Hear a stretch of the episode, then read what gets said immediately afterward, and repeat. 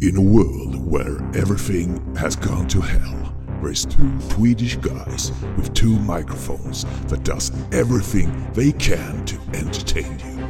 They have decided not to give up on you listeners. They will continue their jobs to sort out the good from the bad in the world of movies.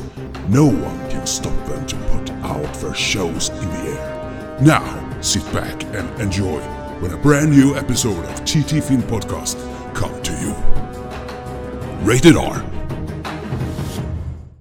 Då välkomnar ni tillbaka till TT Filmpodcasten. Där vi som sitter här är som två små drakar. Det vill säga har ingenting med verkligheten att göra.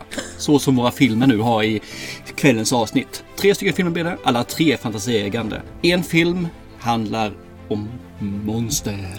En film kommer handla om återkomsten, den nya filmen. Och den tredje är återkomsten, den nya kvinnan. Med skrädderiet bak i fickan. Det här betyder ju att du bad oss på dina bara knän att du skulle få uppskov med ditt uppdrag, din fege fan. Mitt uppdrag? Jag, jag, jag som minns det annorlunda. Jag som minns det mer att Thomas, kan, inte du, kan vi inte skjuta på det? Det blir så jättemycket om vi har med utmaningen. Plus de här tre episka filmerna som du sa som är nog de bästa filmerna genom åtminstone 50-60 år tillbaka i tiden. Ja, så, så skulle man ju också kunna se det. Eh, Det finns ju alltid två sidor av ett mynt som jag skulle vilja påstå. Precis, där man kan ha rätt sida, min sida och fel sida, din Ja. sida. Men det är ju så att uppdraget fick ju flytta sig på, för det kom ju ett mastodont-as till HBO Nordic här nu. Ja, precis. Mr Snyders epos här på Justice League. Om klippningen. Ja, Där han inte använde en enda filmruta från föregående filmen. nej. I alla fall inte som var nyinspelad förra gången. Det här ska bli spännande att prata om eh, med tanke på våran, eh, vårat förhållande till de tidiga Superman-filmerna. ja. Ja, eller överhuvudtaget DC. Det var ju spännande att vi har två DC-filmer som vi ska prata om i kvällens avsnitt. Ja, precis. Jo då, men det ska bli intressant. Ja. Men vi börjar väl med någonting helt annat. Ja, vi har ju längtat efter Mila Jovovich. Och eh, Nej, nej, nej, nej, nej, nej, nej. Nej då. Vi börjar med något helt annat. Vi börjar med att få en gammal sektion tillbaka här i podden. va, va, va, va, va? Ja, Va? Vi börjar väl att där jag läxar upp mina barn. Med lite modern, eller modern och modern, men i alla fall i filmkonst. Ja, men då fattar jag. Vänta då, vänta. Yes. Thomas Törnros läxar upp sina barn i modern filmkonst. Det var länge sedan jag fick eh, dra den eh, gingen. Ja, men absolut. Och du har väntat länge, men den som väntar på någonting gott väntar alltid för länge. Har det varit snår med det här eller vad är problemet? Ja, Gillar inte du inte. visa dina barn filmer? Gillar du inte läxa upp dem? Inget smisk här inte. Nej, nej. Ja, det är så svårt nu att få till det där faktiskt. De är, de är inte så intresserade längre på samma sätt som att sitta och titta på film med farsgubben. Du menar att de har en egen vilja numera? Ja, de har ju fått det tyvärr alltså. Och ena han, gossen är ju myndig med så han kan ju inte ens tvinga till. Så att Man får ta den tid man får. Du har tappat kontrollen. Så in i bomben, så in i bomben. Men den här filmen vi ska prata om nu i alla fall är en av de mest episka filmerna från 90-talet. Jag tror att det har kommit ut efterföljare här nu som är, om det är tre eller fyra stycken efterföljare av det här. Jag är osäker faktiskt på vilket. Så bra är den. Och att inte jag har visat den här för mina, för mina söner tidigare. Jag vet inte varför jag inte har gjort det. Jag, jag har råbackat mig själv och inte kommit fram till alltså. Skämskudde. Den här filmen är ju filmernas film. Oj. 90-talet. Det är Starship Troopers. They came to our planet. They destroyed our cities. But on November 7th, they'll learn they messed with the wrong species.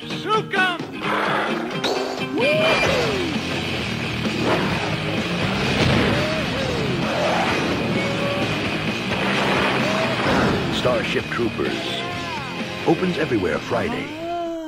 Ah, det är ju, ja, Paul Verhovens eh, eh, rymd-onani-film. Ja, precis. Ja, den här filmen tyckte jag min eh, store son skulle se med mig. För jag menar på det, varför inte? Det här är en film som jag eh, faktiskt det, om man säger så här, det här är en riktig förbaskad B eller C-rulle egentligen. Det är fantastiskt dåligt skådespeleri. Manuset är ju eh, vidrigt kast det med alltså. Och handlingen i den är väl rätt så eh, krystad om vi säger så. Men den har humor, fruktansvärt god humor. Och när filmen kom ut så var faktiskt effekterna riktigt förbaskat bra. Och det finns samhällssatir, lite grann som i Robocop 1. Den här Mm. filmen. Och fakta är att den här samhällssatiren passar nästan bättre idag än vad den gjorde när den kom ut. Helt fantastiskt det här med hur man faktiskt bränner på lite grann med demokrati och röstningssystem och ja, hur man beter sig man, alltså, överhuvudtaget. Vad man kan göra för att rättfärdiga sin, sin egen eh, väg framåt. Jag tyckte att den här skulle min son se och framförallt vill jag se den igen själv också och se har den här blivit tacky? Jag tycker den här håller än idag. Jag ser nya saker i den när jag tittade på den nu mot vad jag gjorde för mm, sju, tio år sedan sist kanske. jag den. Oj, är det så länge sedan? Jag tror det faktiskt att det är så länge sedan jag såg den. Jag tyckte att humor gick fram på ett helt annat sätt också hos mig än vad det gjorde då faktiskt som jag kommer ihåg det i alla fall. Det är fortfarande riktigt tacky när det gäller handlingen och vägen framåt. Men det är bara humor. Humor, humor, humor. Min son, han tittar på den här och han föll ju för den med en gång. Han tyckte den här var så jävla god. Det är liksom, återigen då, han tycker ju om den här våldsamma humorn. Bara när man säger, det står soldater och säger jag gör mitt, jag gör mitt, jag gör mitt. Och sen kommer det fram en kille på 11 år med en stor jävla hagelbrakare, vad han har för något vapen i alla fall, och säger jag gör mitt. Och så skrattar alla. Jättekul när man har barnsoldater. Men det fungerar. Det är det det gör alltså. Syftar på de här reklamspottarna som dyker upp eller? Ja, exakt. Young people from all over the globe are joining up to fight for the future. I'm doing my part. I'm doing my part. I'm doing my part. I'm doing my part too. They're doing their part. Are you? Join the mobile infantry and save the world. Service guarantees citizenship. Och för er som inte har sett den här filmen så är det här då en framtids-sci-fi eh, där egentligen eh, mänskligheten har hamnat i krig med en insektsliknande varelse som kommer från ett ställe för Klandaktu. Och de har väl på något vis jag, jag vet inte vad som har hänt, varför kriget har kommit. Men antagligen för människan har vi trängt in dem i ett hörn och tycker väl nu är det enough is enough. Så de börjar slå tillbaka och det gör de med att skicka meteoriter. På något vis kan de då slänga iväg meteoriter mot jorden. Det handlar om egentligen tre och en halv person kan man säga i den här filmen. Som har följt varandra från egentligen skolgången upp till de ska då bli rek- rekryter. Just det, Casper Van Dien och Dina Meyer har jag minsann för mig. Och Neil Patrick Davis. Där är du kriget. Det slutar ju, eller börjar ju egentligen rätt så snabbt med att hela Buenos Aires går åt helskotta där de kommer ifrån. Så den staden är ju bara en stor krater efter den här meteoriten då som de har slungat mot jorden. Och då ska de ju döda, kill the bugs. A good bug is a dead bug. Alla de här flosklerna kommer ju i filmen åtminstone två gånger. Det här är då storyn och det, som ni hör så är den ju papperstunn alltså. Det är skrivet på en eh, så här riktig silkesservett. Men det är så fantastiskt roligt. Jag njuter varenda minut av den här filmen. Den är lagom lång också för den delen. Runt en och en halv timme, 140 någonstans där för mig. Perfekt speltid. Ja, absolut. Sen har det kommit då som jag är osäker på om det har kommit två eller om det är tre stycken efterföljare till den här filmen. Jag tror det finns totalt fyra Ja, stycken. den sista har jag för mig Marauders tror jag den hette. Eller sånt där, den sista. De jag har sett där är- är ju så kopiöst dåliga. Det är liksom snuskdåligt. sådär. De har inte alls den här svarta humorn. Det finns ingenting överhuvudtaget. De tar sig på för vidrigt allvar allihopa där. Så ska man se den så ska man ju se den här enbart och så kan man glömma bort de andra tre stycken då. Och jag, jag tycker faktiskt den kan vara värd att se om man tycker man om svart humor, samhällskritik och man inte bryr sig så mycket om att i början av filmen krävs 47 mag för att döda en enda liten sån här soldatinsekt. Och i slutet så dödar man dem eh, dussinsvis per mag och man har kanske bara 20 skott i varje mag. Äsch då, var inte så petig. Exakt, men man får inte vara det. Det finns så mycket och sådär liksom. eh, Man får glömma bort all logik, allt sånt där. Kan man göra det så är den här filmen klockren. Den, den ligger i paritet med såna här crazy humorfilmer fast våldsamma. Jag har för mig inte våran husgud Clancy Brown med i den här också. Jo då, absolut. Han är en av de här som eh, tränar dem eh, på den här, ja första akademin om man säger så. Då. Så det här är Major tror jag han är där om jag minns rätt. Eller Sergeant, någonting av det. Ja, nej men jag har för mig att den här var riktigt nice också. Det var faktiskt våldsamt länge sedan jag såg den. Så att, ja, var det inte, kanske inte så dumt att se om den jag också. Nej, det tycker jag inte. Jag, jag kommer att tänka på den här då för ett par veckor sedan. Tänkte den där ska jag banne mig se. Och sen så tog jag min son i hampan och så sa jag sitt ner här i soffan nu ska vi se den här. Det jag sa egentligen var nu är maten klar. Vi sitter framför TV och ser den här och jag har valt film. Ja, du lurade in dem där och det Ja. fanns liksom, ska ni ha mat då ska ni fan se film. Exakt! Ja, Nilssonen stack ju med en gång när maten var klar. Så tack för maten, hej då. Men Ja. eh, storsonen stannade kvar. Så det var min fantastiska pappa son episod som inte har varit med på de senaste 10-15 avsnitten. kanske. Men det känns ändå så att de filmer du visar för åtminstone den stora sonen, att han verkar, det verkar falla i god jord. Ja, det gör faktiskt det. Det är rätt intressant för han, det känns nästan som att han tycker bättre om de äldre filmerna än han gör de nya som kommer nu. Det känns som att det finns mer fundament i dem, hur man, hur man reagerar, hur man agerar när det är sådana typer av filmer. Och det finns en annan typ av humor. Och jag tror han tycker om det här med att man inte hade digitalt. Man var tvungen att tänka igenom när man gjorde saker och ting. Och då finns det liksom en, en planering. Så idag så tar man, ja men, vi, jag gör en liten sneak peek på eh, Justice League. Jag menar, han gjorde en film och så nu kommer jag faktiskt inte ihåg han som heter som tog över och färdigställde den. Joe Sweden. Ja, han film kastade bort allting i stort sett och filmade nytt. Och sen så gick han tillbaka nu då och gjorde om, fick en göra en ny remake på den här och fick egentligen bara filma 20 eller 40 minuter filmen och sådana saker. Nytt material och jag tror inte ens han använde allting. Och ändå kunde han göra en film på fyra timmar. Det säger hur mycket film de verkligen filmar idag. Och jag tror inte man gjorde det förut. De var tvungna att tänka till för filmen kostade pengar. Ett minneskort idag kostar ju inte en krona för fasen i sammanhanget. Det är digitalt. Det är digitalt alltihopa, precis. Så jag tror att det är det som är han, eh, han, han tycker är trevligt när han ser de här äldre filmerna. Man har lagt ner lite mer planering och tid och vet vad man vill göra redan från början istället för att filma och så gör vi det är en annan vinkel och så gör vi en till och sen till och en sen. Och sen så har man 20 scener på just den här scenen och så använder man inte ens den i slutet för den passar inte riktigt in. Nej, nej, det är ju lättare att liksom vara selektiv idag än vad det var förut. Så att, eh, ja. Ja, nej men det, det, den går hem. Den är helt klart värd att se.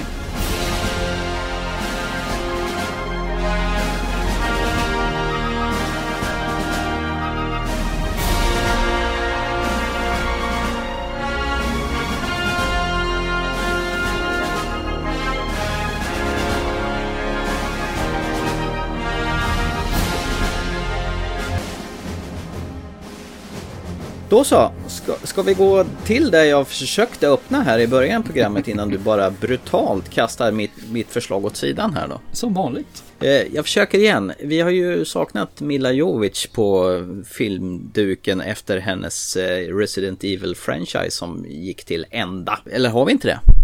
Ja, ja och nej får jag säga. Jag har saknat henne, absolut. För jag tycker hon har gjort en hel del bra filmer förutom Resident. Men jag saknar inte henne som Alice. Den, där finns ettan och tvåan och sen resten av filmerna är från mediokra till katastroffilmer. ut sagt. Alice, who the fuck is Alice? Eller hur menar du? Ja, exakt.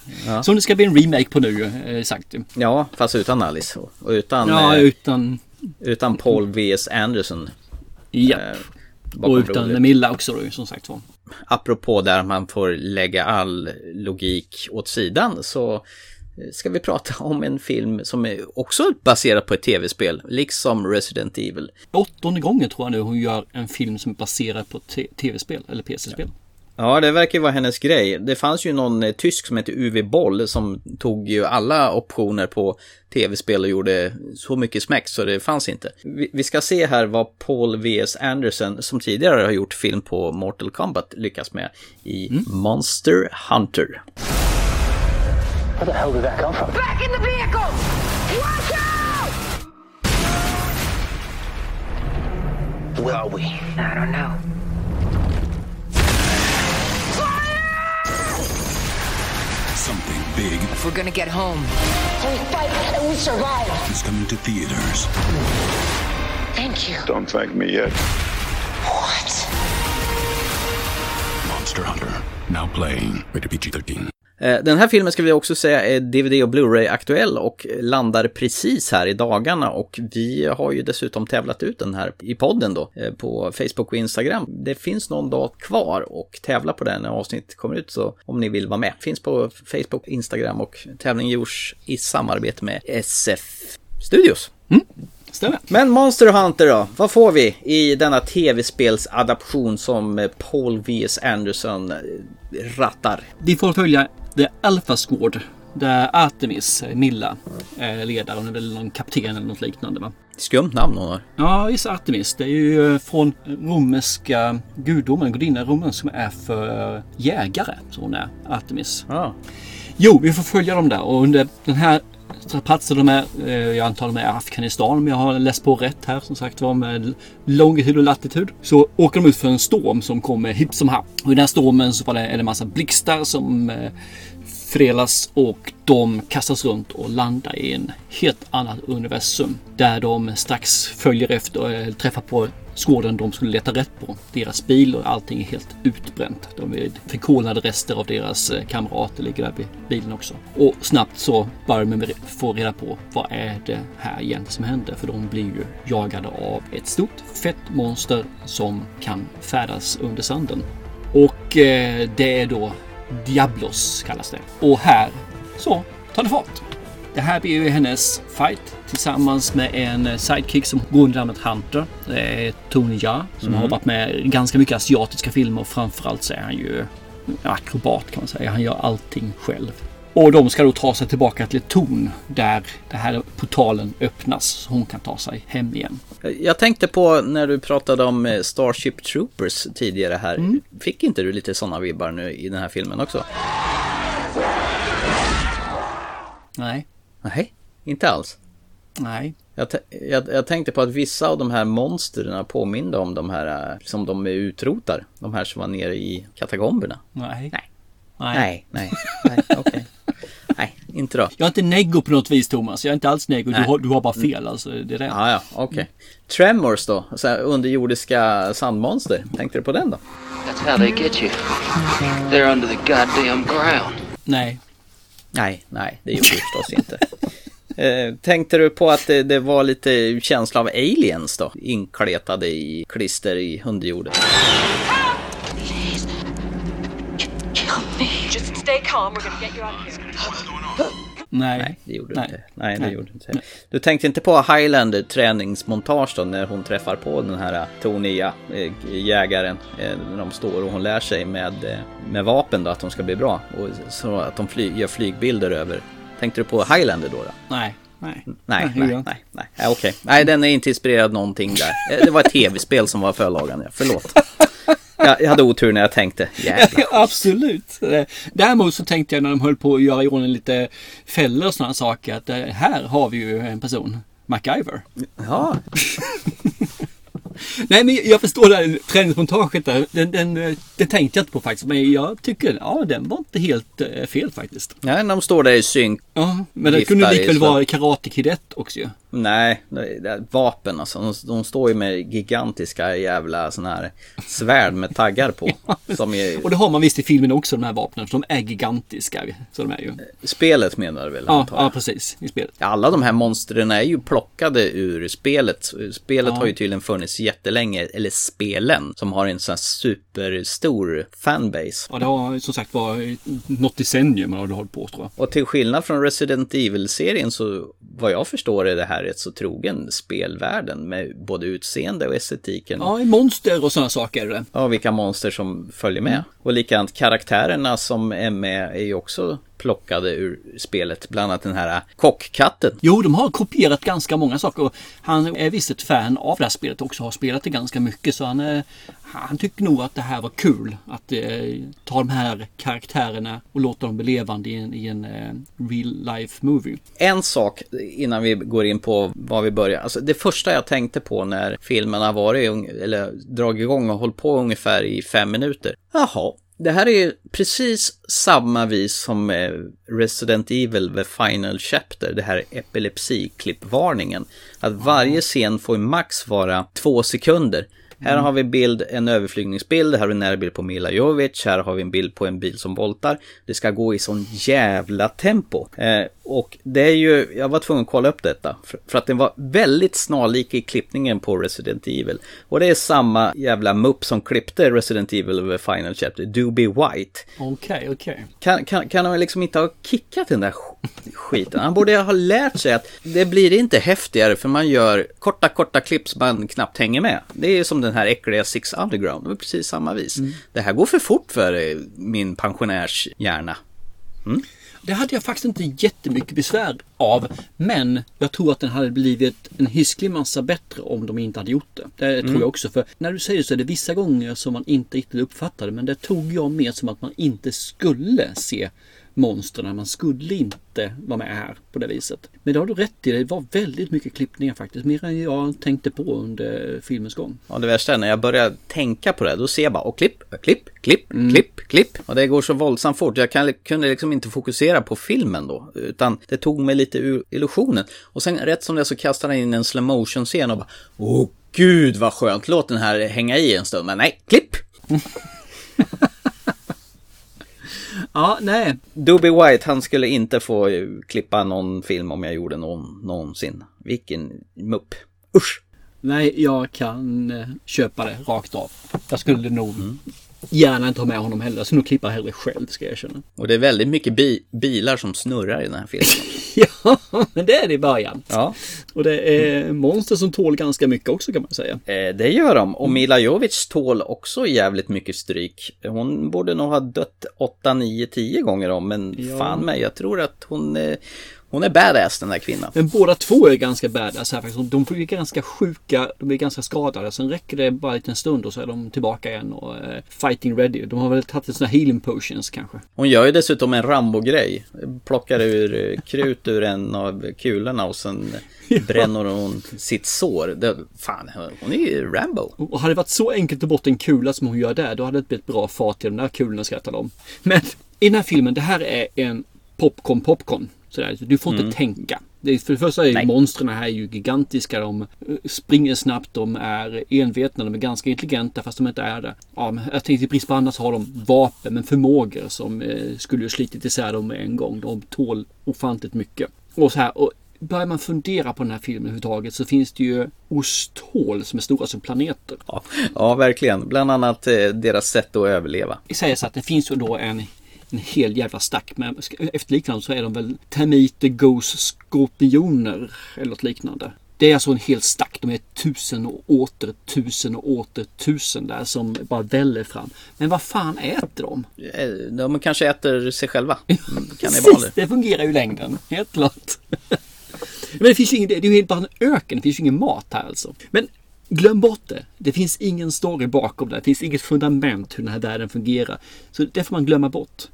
Men problemet är ju att det är så fantastiskt mycket action i början av filmen. Det händer saker, det är saker. Pam, pam, pam, pam. Tjoff, tjoff, tjoff. Och det står inte still någonstans. Men det händer egentligen ingenting som för storyn framåt. Så själva storyn står liksom och trampar vatten. Det är ju sån här eh, mörk gyttja där man eh, bara låter när man försöker komma någon vart. Och- Men det händer en jävla massa på rutan. Det är fighting, de springer, de skjuter pilar, de springer igen, de hugger av svansar, de springer igen, ett horn ryker åt skogen. De är inne och så äter de lite mossa och sen springer de igen och sen så tränar de och sen går de vidare och ingenting händer i storyn. Förrän den sista delen av filmen när det börjar bli lite framåt. Och det är det här som jag inte kan förstå. Hur mycket action kan man trycka in i en film utan att den betyder någonting? För det betyder inte ett jäkla smack. Han har ju bara tryckt in så mycket action han kan. Och kanske spelet är på det viset. Det är mycket action utan att man egentligen kommer någonstans. Man fightas hela tiden utan att det, man förs vidare i storyn. Och då är den ju trogen. Då är den helt okej. Då är toppen jättebra till alla fans där. Men jag som inte har spelat eller ens hört talas om det här förbaskade spelet. Jag ser ju bara en film som jag vill inte se. Tänkte säga något annat där egentligen först, men jag säger jag vill inte se den här filmen. Alltså, för det enda som jag tycker kan vara lite småcoolt det är faktiskt hur fantasifulla monstren är. De, är rätt goa. Jag tycker Diablos är rätt så cool faktiskt. Han, here's the shit. Han är badass är han liksom. Tremors. Tremors. Mm. Ja, fast det är ju maskar för fasen ju. jorden. Ja, men de är ju under, de är under sanden ju. Ja, då är det maskar. Men ja, vi petar ju in lite Pirates of Caribbean i början också. Ja, med, det var också någonting ja, som surfar på sanden.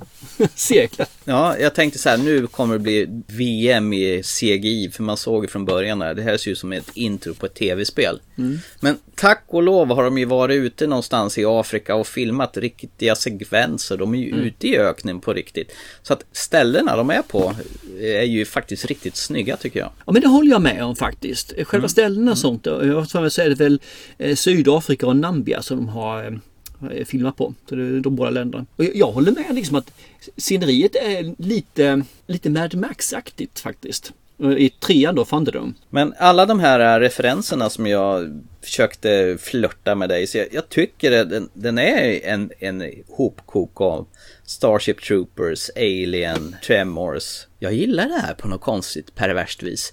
Eh, om jag... Fy fasen! Ja, jag sa introsekvensen här att jag störde mig galen på den här snabba klippningen, men jag sa nu får du fan i mig låta det här vara och bara titta på filmen. Det här var en angenäm popcornrulle som jag satt och mös med och jag tycker att eh, hennes samspel med den här eh, jägaren eh, som spelas av Tony ja, var riktigt nice. De sitter och äter choklad till varandra och, och flinar och de till och med småsuper lite grann och det är rätt så nice samspel mellan de här två. Och för mig blir det där mer en plattityd. För jag, det känns inte alls som de har ett samspel mer än på en fasad. Bakom för det så finns det ingenting liksom.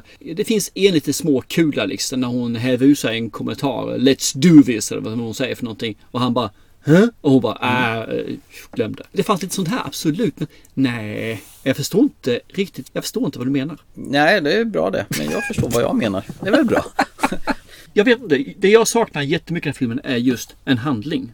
För det finns ingen handling egentligen. Det finns ett början och det finns ett, en avslut. Ja, handlingen är väl att, de, att hon, de letar efter det här gänget och sen hamnar de ju här och sen är det ju egentligen bara att de ska ta sig därifrån med livet i behåll. Ibland räcker det. Det är ju fel. Det är ju inte för det som är handlingen. Hon skulle ta sig till tornet som skulle göra. Det kommer ganska snabbt innan hon ska ta sig till tornet. Men de, de är inte ens på väg dit. De gör inget för att komma dit. Ja, men det är ju svårt för att du har ju de här äh, Diablos i sanden som äter upp dig så fort du går i närheten.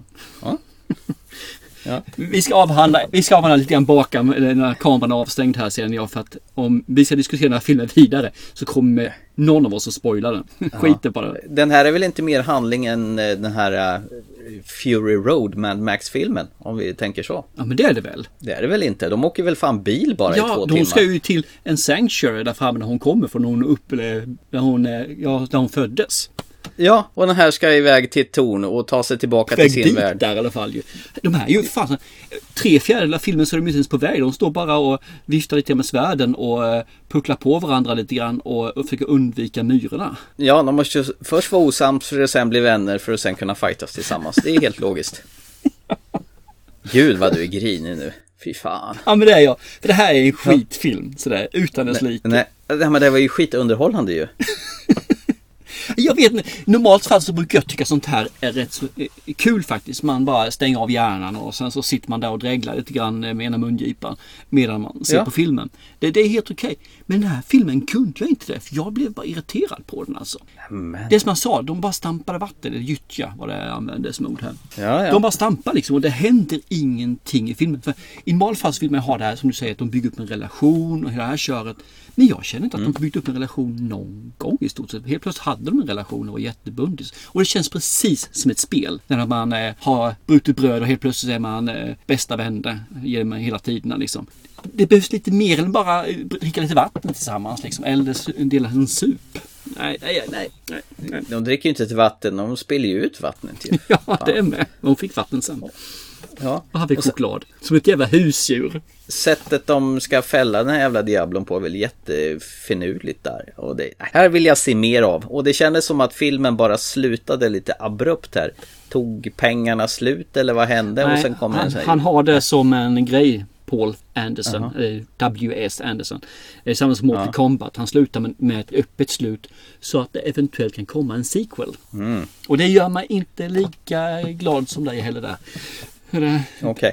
Men då håller du med de här som inte tycker om eh, Thomas V.S. Andersons filmer. Du, du vet vad hans initialer står för. Very stupid. Ja, worthless shit. Okej. Ja, han har gjort bra filmer. Jag säger inte Mm. det alltså. Han har ju han har ju varit med och gjort Resident liksom.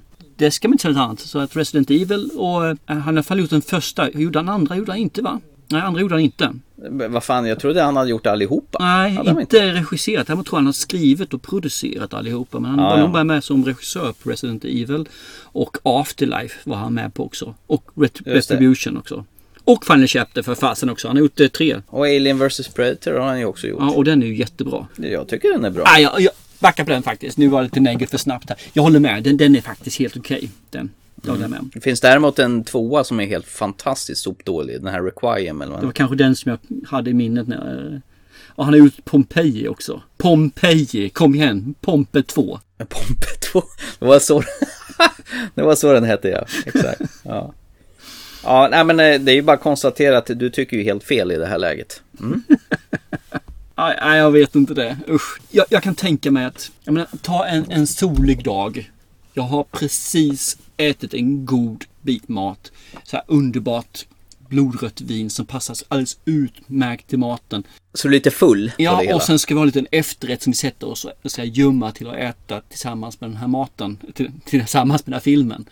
Jag känner Mm. mig, jag är tillfreds, jag är lugn, jag är harmonisk. Och så drar jag igång den här och så kommer jag häva i mig den där förbaskade efterrätten. Så kommer vi gå ut och titta på solen utvändigt eller klippa gräset. Så, nej, den här passar inte. Jag skulle aldrig rekommendera den här och se den här om man inte tycker att spelet är så fantastiskt. Så man vill se filmen på grund av det. Lite grann som den här World of Warcraft när den kom för x antal år sedan. Alla som spelat World of Warcraft vill ju se filmen så man kunde eh, se alla karaktärer och alla djur och monster. Och det här är nog samma sak tror jag. Men den var ju riktigt jävla usel. Det här var ju bra. Jag tycker faktiskt den var bättre än den här fast den var inte bra. men herregud. Ja, och den här tävlar du ut med gott samvete just nu. Mm. Ja, det gör jag faktiskt, ska jag erkänna fortfarande. För jag tycker fortfarande att folk ska och tävla och ska få den här filmen när det finns tid för det. För att ibland så måste man se sånt här för att bilda sig en uppfattning om det. Det är ungefär som när vi pratade om eh, den sista Alien-filmen. Just det, Promet nej inte Prometheus. Den här eh, andra. Ja, den som egentligen inte finns längre nu. Nej, alltså. det är som fjärde Indiana Jones-filmen inte Mm. heller finns ja. Nej. Fan vad vi raderar filmer från filmhistorien just nu. Ja, det är procentuellt många nu här. Den tyckte jag var kass. Jag skulle aldrig rekommendera den till någon. Men det är klart man ska se den och se och bilda sin egen uppfattning. För det finns de som det här går igång på det här. Jag fastnade just för den här delen att det inte fanns någon handling. Det finns ingenting som drev filmen framåt. Det staplade actionscener på varandra. Så tycker man om det, ja men det är klart att då ska man ju ge den här en chans. För det här var mycket action. Jag kan tänka mig, tycker du om Six Underground så kommer du säkerligen tycka om den här. Nej, nu, nu drar du ett varv lite för långt här. Six Underground är ju ett, nej, alltså, så jävla sämst. Det här var ju angenämt. Det är skillnaden. Ja, men ungefär samma klippning. Ungefär samma action hela tiden. Det är fullt ös medvetslös hela tiden. Det har ingen handling egentligen. För vad handlar Six Underground om? Ingen som kommer ihåg i dagsläget. Medan det var några som är döda fast de lever. Jo, jag vet vad den handlar om. Det handlar om att man ska stoppa all ondska i en låda och det är de som ska ta hand om ondskan och så kör de bil fort. Och så är det någon som hoppar som en sån här parkour. Slut! Precis! Exakt samma som Monster Hunter alltså. Nej, de har ett början i mitten och ett mål. Det är helt logiskt. Tre akter. Plus lite eftertexter och en post-credit-scen som, som öppnar upp för uppföljaren och jag ska minsann se den. Det här tyckte jag var kul. Det kommer ingen efterföljare. Det gör det väl? Nej, varför skulle jag det? Ja men eh, det han säger det själv i, du tittar inte på de här bakom-filmerna Jo, var jag tittar nog på det en del där. Jo, det är klart att han vill besöka Ja. den här igen. Det har han ju sagt givetvis. Men han vill säkert besöka Mortal Kombat också. Han vill ju få pengar till sin nästa film. Ja men Mortal Kombat, den nya har ju inte han någonting med att göra. Alls. Det är ju Vad säger du? Annan. 95, 95 gjorde han ju den för fasen. Jo, jo, men det kommer ju en ny Mortal Kombat i år. En ny. Ja, ja, ja. Ja. Nej, den, den har har ingenting med att göra. Men han vill ju, han vill ju göra det här. Så därför han gör öppna slut hela tiden. För han vill ju få chansen i det här. Om det här då skulle bli en, en kassasuccé eller något liknande. Så kan han göra en franchise på det. Precis som gör med Resident Evil. Så, Ja, så han kan hålla han är ju på bara girig. han är ju. Det är det det handlar om. Och sen vill han ju se till att hans fru får jobb ju. Det är väl inget girigt, det är ju bara välvilja. Du, jag skulle säga, Milla har jobb utan honom också. Nu gör hon väldigt mycket. När han gör sitt så är, hon ju med mer eller mindre. Men hon har en del som kommer faktiskt här ju. Monster Hunter 2 kanske? Nej, men eh, någonting som är Hummingbird, In the Lost Lands och eh, Koto Maltese. Ja, just det, den kåta maltesen ja. Just Ja. det. Så att, nej men jag tycker Milla fortfarande, hon, hon har med sitt gebit. Jag tycker det fungerar bra. Jag, menar, jag såg ju om den här nya Hellboyen. Jag tycker faktiskt hon är rätt så god bad boy, bad girl i den filmen faktiskt. Ja, Det- apropå. Hellboy, hade du, hade du någon åsikt om Ron Perlman som var med i den här? Ja, hans eh, stora bidrag menar du? Ja, han är, har blivit skitgammal. Det var det enda jag tänkte. Men han är ju gammal också. Vad fasen, kom igen. Är han 80 plus eller?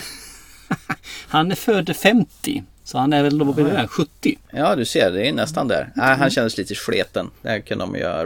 Men det är väl för att han är kompis med de här. Ja men du, om jag är så pigg som han verkar vara i den här filmen, när han svingar sitt svärd eller yxa eller vad det är för någonting. När han är 70 så skulle jag kunna tänka mig att vara så sleten faktiskt. För han är rätt pigg för att ändå vara en 70-bastare. Han har ju en jätteliten roll, det ska man ju inte säga annat. Men att eh, jag tycker om hans utseende, jag tycker om hans sätt att agera. Han har, han har ju ett litet fack där han egentligen rör sig hela tiden. Men att eh, han funkar. Jag tycker han gör det han eh, är där för att göra. Och det han kan göra också för den delen. Ja, nej men då, då kan vi konstatera att jag rekommenderar folk att se den här och du gör det inte. Så det är status quo. Det är alltså moment 22 med Så den här är det, filmen. så är det. Och det är ju som vanligt, eh, Thomas har ju alltid rätt. Så att, eh, lyssna på Thomas. Exakt, och inte Thomas. Då tar vi ett streck eh, över den filmen tror jag. Drar vi ett streck att den inte finns eller vad hur menar Nej, så långt behöver vi inte gå faktiskt. Bara att vi är klara med den alltså.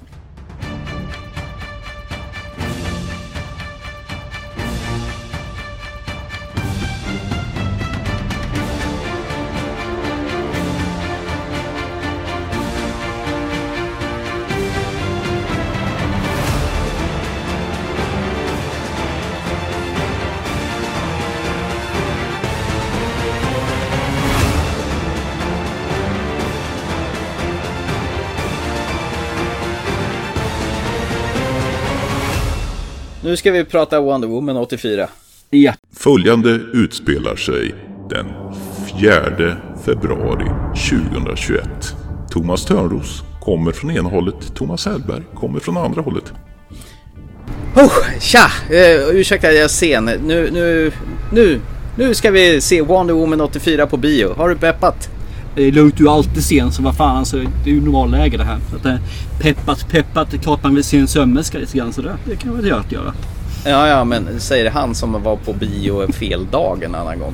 Va? Men i alla fall tidigt. Ja, ja, precis. Men vad fan. Det är stängt fortfarande. Men du Vad sa ju att du hade öppnat. Det stod ju alltså i Filmstadens app att den 4 februari ska Wonder Woman ha premiär. Det är klart som fan att vi går hit. Har du dragit hit mig helt i onödan? Fan, du kommer få betala för det här. Helt klart alltså.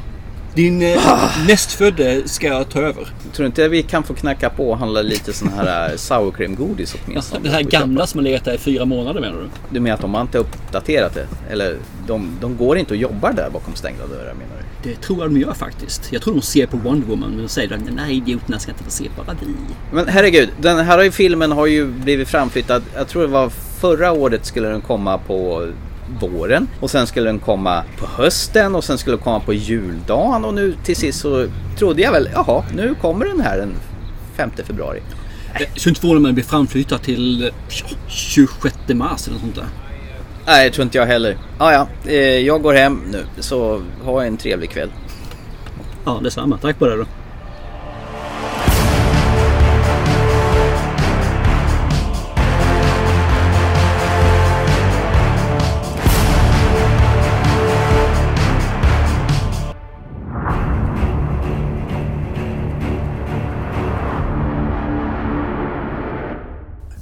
Hörru, det där var väl onödigt hörru? Ja, det var det. Kollar man inte upp sånt där innan man... Eh, Ja, jag litar ju på att- dig. Det är det som är saken. Men det ska jag inte göra Ja. redan efter.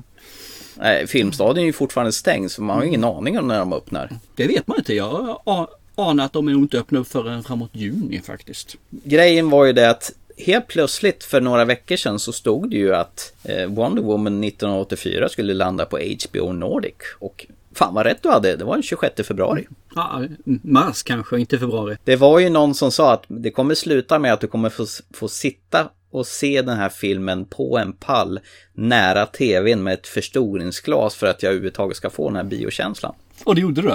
Ja, det gjorde jag väl kanske. Eh, I fem minuter, men sen satte jag mig till rätta i soffan i alla fall. My life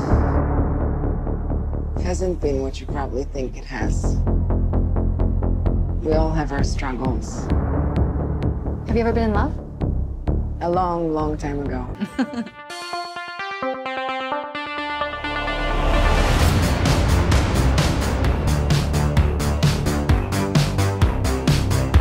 Welcome to the future. Life is good, but it can be better. And why shouldn't it be? All you need is to want it.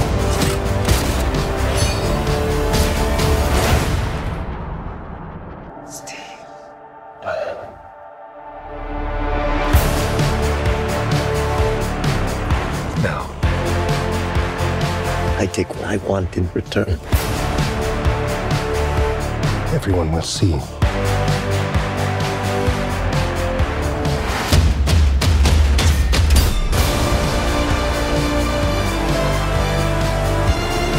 Nothing good is born from lies. And greatness is not what you think.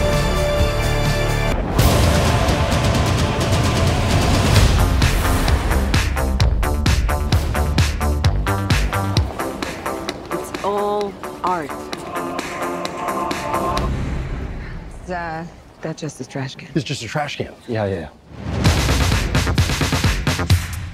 Men du, det här måste nog vara en av de mest filmer som jag har väntat på någonsin. Så mycket som jag har tjatat om eh, Gal Gadot och Wonder Woman 84, den här podden, det har jag nog aldrig pratat om någon annan film tidigare. Eller? Nej, jag tror inte det. Faktiskt. Och jag har aldrig förstått varför, så jag känner. Ja, men eh, vad, vad har du för förhållande till den förra filmen då? Den här som eh, kom för några år sedan. Alla sa ju att den här var någonting extra. Det här var någonting som var utöver det vanliga när det, när det gällde superhjältefilmer. Jag var väl måttligt intresserad ska jag erkänna att se den här, men eftersom alla hypade upp den tänkte jag men då måste jag ju se den. Så det är klart man gjorde. Man hakade på det. Det blev någon streamingtjänst eller något liknande som jag trodde på, dock inte bio utan jag såg den hemma. Jag förstod aldrig riktigt vad det var som folk tyckte att den här var så bra.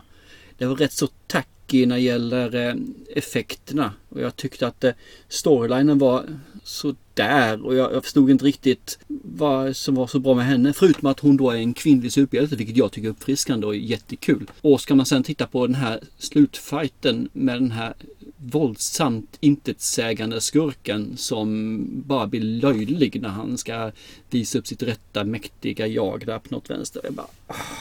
Så för mig var det här en med-film. Spännande. Jag eh, tyckte ju precis raka motsatsen. Jag blev ju helt kär i den här eh, Amazonvärlden som presenteras och sen blev det ju inkastad i något sånt här krigsdrama där Gal Gadots Wonder Woman. Hon är ju massa flera tusen år gammal och blir ju aldrig äldre. Eh, och möter den här piloten Chris Pine och de tillsammans eh, teamar upp och gör någon slags sånt här nästan lite krigsfilms... Hon är superhjälte i en, i en krigsfilmsmiljö och det, det kunde jag uppskatta. Och jag tyckte kemin mellan de två var helt fantastisk. Att det här var ju äkta kärlek. Åh, oh, jag tycker det var så fint. Och med hennes mm. eh, piska. Det är ju fantastisk. Hon snärtar upp gangsters i trånga gränder. Du, du menar snöret menar du? Ja, ja. Eller lasso som hon säger att det är. Eller sytråden, precis. Det är hennes lasso som gör så att folk talar hans sanning som mm. har det runt omkring sig. Det är ju en superkraft om något, eller hur? Alltså inte hennes, det är ju snörets. Ja, ja, men hon har ju fått dem från Amazonerna. Det är ju helt fantastiskt. Mm. ja. Så, så det var ju med jättenöje jag satte mig ner och slog igång den här, här om morgonen när alla andra sov för att jag skulle få se den helt i fred. För att slippa ha massa folk som tjatar hål i huvudet på mig. Då, då menar jag min son och min sambo. Ja, absolut. Den lille. Mm. En sak tänkte jag på, det är en av de här innan jag ska dra handlingen och sådär. Du, du har ju en karaktär som heter Maxwell Lord med en jättehaka.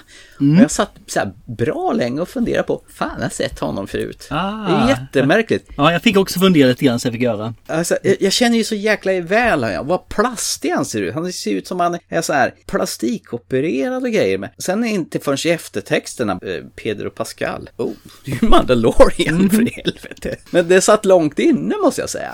Gjorde det för dig med? Ja, det gjorde det. Absolut. Det var, ja. Hans beteende var ju helt annorlunda och så här. Så det, det tog ett tag innan jag liskade ut vad jag hade sett honom. Det är ju ofta ja. så här blir det va. Man får inte fram det, får inte fram det fram, och sen så kommer det liksom att blomma ut som explosioner som fyrverkeri. Just det, han är det ja. Just det. Nej men nej, han var annorlunda. Det var han. Framförallt i, ja, han faktiskt, man faktiskt kan skådespela ju. Han ska ju dessutom spela Joel i filmatiseringen, eller tv-serien av The Last of Us. Mm, just det, det stämmer. Så här, det går bra för eh, Pedro. Ja, ja helt det, det är kul. Men Wonder Woman 1984, man får initialt träffa Diana som ung när hon deltar i en sån här arenatävling hos Amazonerna. Det ser nästan ut som någon sån här, hämta ur gladiatorerna eller någonting sådant. Och det är väl inte helt orimligt. Gladiatorerna möter eh, olympiska spelen. Ungefär, för det är en massa såna här tävlingar. Och, och, och det är märkligt att den här lilla Diana får vara med och tävla bland de här vuxna Amazonerna. Men precis. Men eh, hon, hon fuskar ju och blir uppläxad av fru Underwood, det vill säga Robin Wright, Mm. som var med i House of Cards. Och man får inte fuska. För det är sanning som gäller och hon menar på att Dianas tid kommer så småningom och man får inte stressa fram det. Bara som en fotnot där. Det är rätt kul den här lilla tjejen. Hon gör faktiskt sina egna stans hela tiden. För hon gjorde dem bättre än de här eh, stuntmännen eller stuntkvinnorna. Så gör alla sina stunt Ja. själv faktiskt i eh, filmen. Det tycker jag är lite kul. Hon var väldigt charmig också. Ja, men lite trulig och så men jag håller med. Och sen kommer ju förtexterna och så möter vi i nedslag nummer två, 1984. Det är plastigt decennier med alla pastellfärger och de här tidstypiska prylar och arkadhallar och uppkavlade kavajer och hårspray. Och så får, får vi möta han Maxwell Lord, alltså Pedro Pascal. Han är någon sån här misslyckad oljefinansman som har gör sån här catchy reklam i tv där han pekar på folk och han har minsann hittat ett sätt att bli framgångsrik. Och så möter vi Barbara, eh, alltså Kristen Wiig. Hon är en så här nervös tunt med glasögon som jobbar med arkeologiska fynd. Och ingen ser henne och tappar papper och grejer. Och, men på något sätt så vill FBI ha hjälp av henne att analysera ett gammalt föremål eh, med text på latin. Ja, inte bara ett. Det väl rätt så många föremål va? Som hon ska gå igenom. Men bland annat det här specifika då. Och det finns vid en stöld vid en guldsmedsbutik som har sysslat med en alternativ rörelse som Diana Prince också blir inblandad i förstås. Hon eh, var ju på samma köpcentrum, den här guldsmedsbutiken, när de här rånarna kommer in där och det är då det här eh, föremålet dyker upp. Steve Traver, alltså Chris Pines rollfigur, han dog ju i förra filmen. Det är jag rätt säker på att han gjorde. Gjorde han inte det? Vi såg ju inte att han dog men vi såg ju planen explodera och ingen fallskärm. Så att, eh, jag Exakt. antar att han eh, gick vidare till ett annat ställe. Ja. Men han dyker upp här på något märkligt sätt och återförenas med Diana. Han borde vara stendöd tycker jag.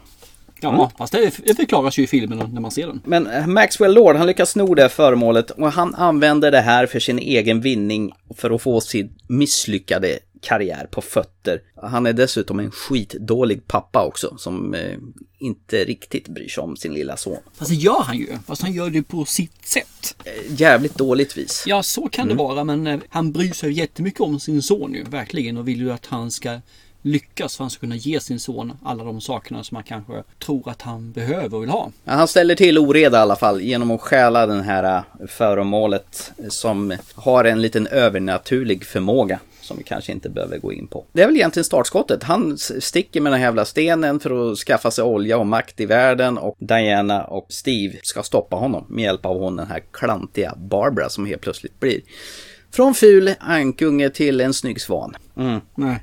Nej, nej, nej, nej. nej. nej. Eh, jag kan säga så här, jag har hört från flera håll att den här inte alls är bra. Jag tänker så här, Patty Jenkins, hon lyckas ju skitbra med förra filmen. Så det går väl, det går väl inte att sabba det här.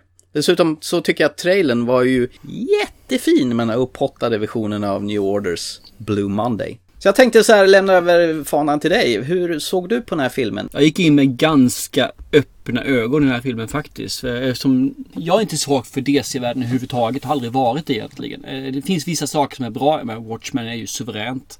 Det är inte mer med det. Mm. Men DC är lite men det, det är som, som ungefär som eh, den lilla feta lillebrorsan till eh, Marvel-universumet. Som också vill men kan inte riktigt. Också vill men vet inte riktigt vad man gör. Men så här gjorde MCU, då försöker jag göra samma sak. Och det blir aldrig riktigt lika bra. Han hittar på egna eh, karaktärer och de blir aldrig riktigt lika coola liksom. Det, det, det är DC för mig. Så det. DC när det är som bäst är just Watchmen när de gör mörker.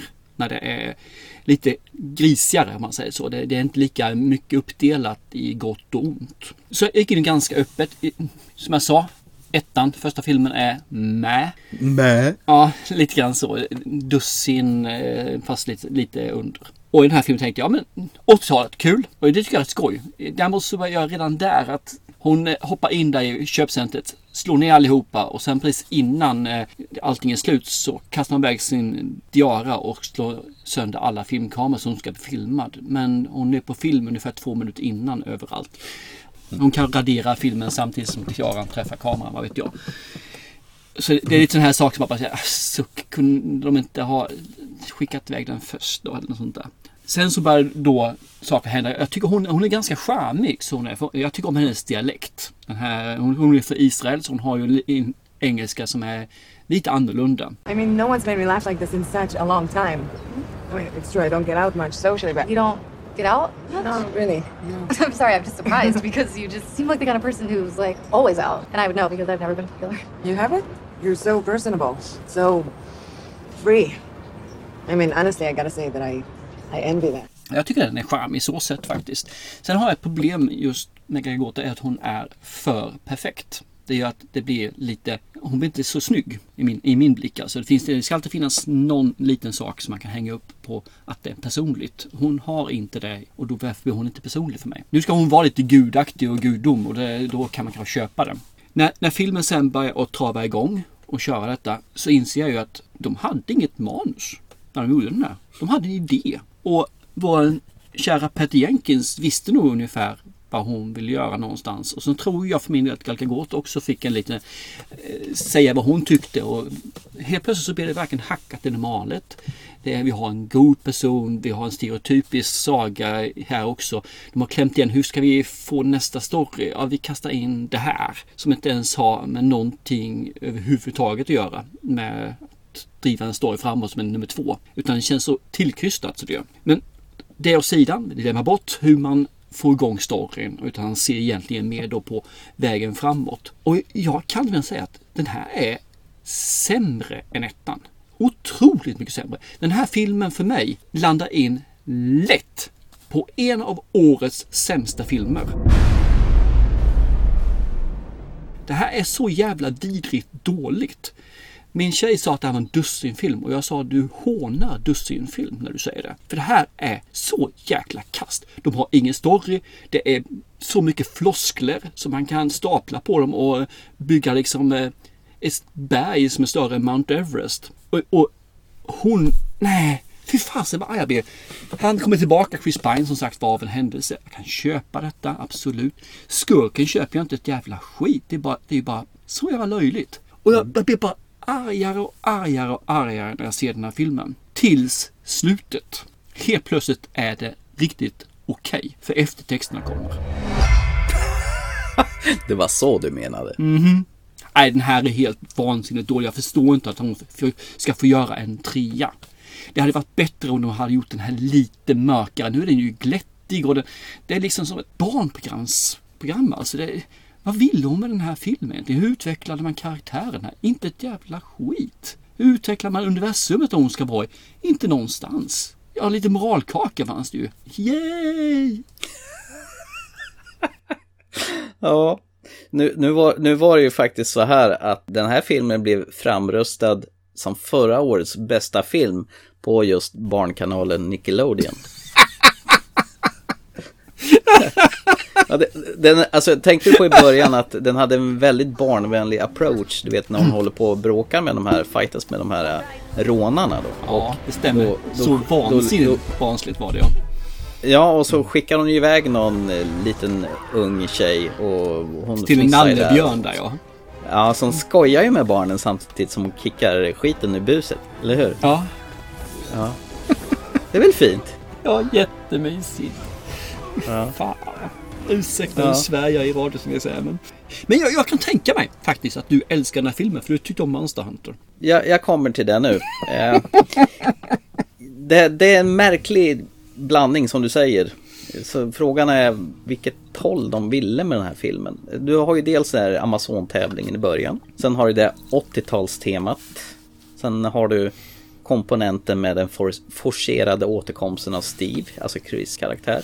Du har Max Lord som eh, vill ha världsherravälde och ska vara pappa samtidigt. Det blir oreda i världen. Och sen har du den här myten om en önskesten som... Ja, jag har sett en väldans massa avsnitt av Supernatural och det här kändes som en idé som är snott från ett av de avsnitten.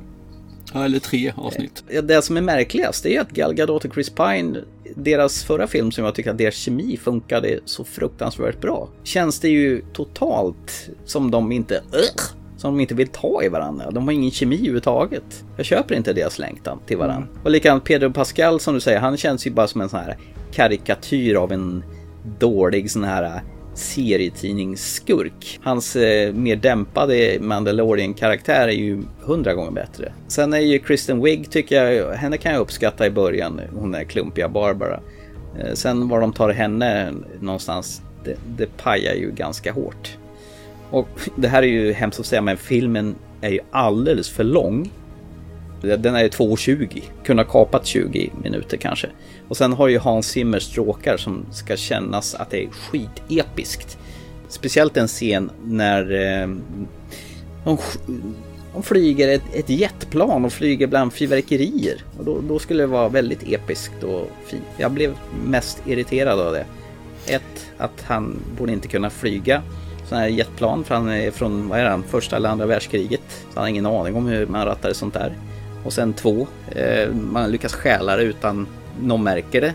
Och tre, det finns ju, borde inte finnas någon bränsle i det där, den kan inte vara tankad.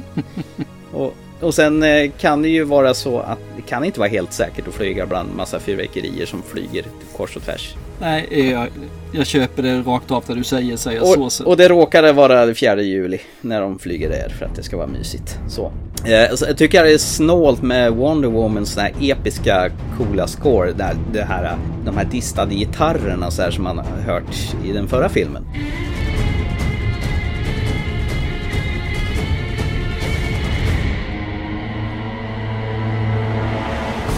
Hans Zimmer, han gör nog mer sån jävla generiskt soundtrack. Och sen trodde jag ju att 80-talet skulle passa som hand i handske, men det är ungefär som att man trycker på det lite i början och sen, sen glömmer man bort att det är 80-talet. Det, liksom, det slarvas bort och det kunde liksom, liksom ha varit när som helst. Mm.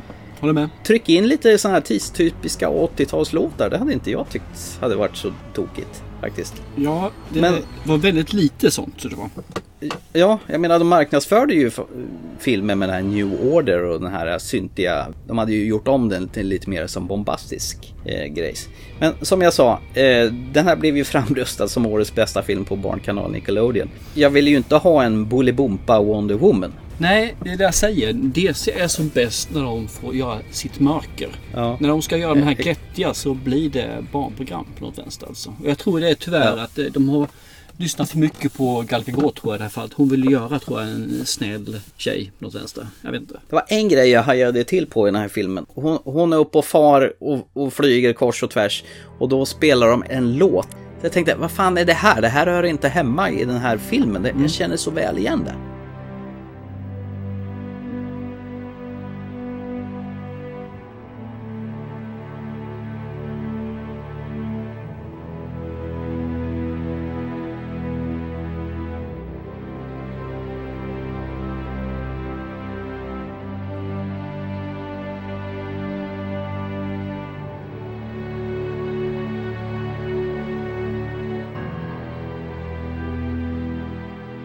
Var tvungen att googla det och då hittade jag på att den här temat då som Hans Zimmer, det har inte han gjort utan det är en John Murphy som har gjort en låt som heter Adiago in D minor. Och den var ju egentligen gjord för Sunshine, den här filmen där de ska kickstarta solen Aha, från okej. 2007. Och sen har han också varit med i Kick-Ass också. Och sen är han även med i Ready Player One och en massa andra jävla trailers. Så att den slingan som spelas då när hon är uppe och hoppar och flyger och far, den är stulen. Stulen, han har ju säkert bara... Han har ju köpt den som alla andra kan jag tänka. Men, men, men återanvänder det. Jag menar, det ska ju vara ett original score och det är ju inte det.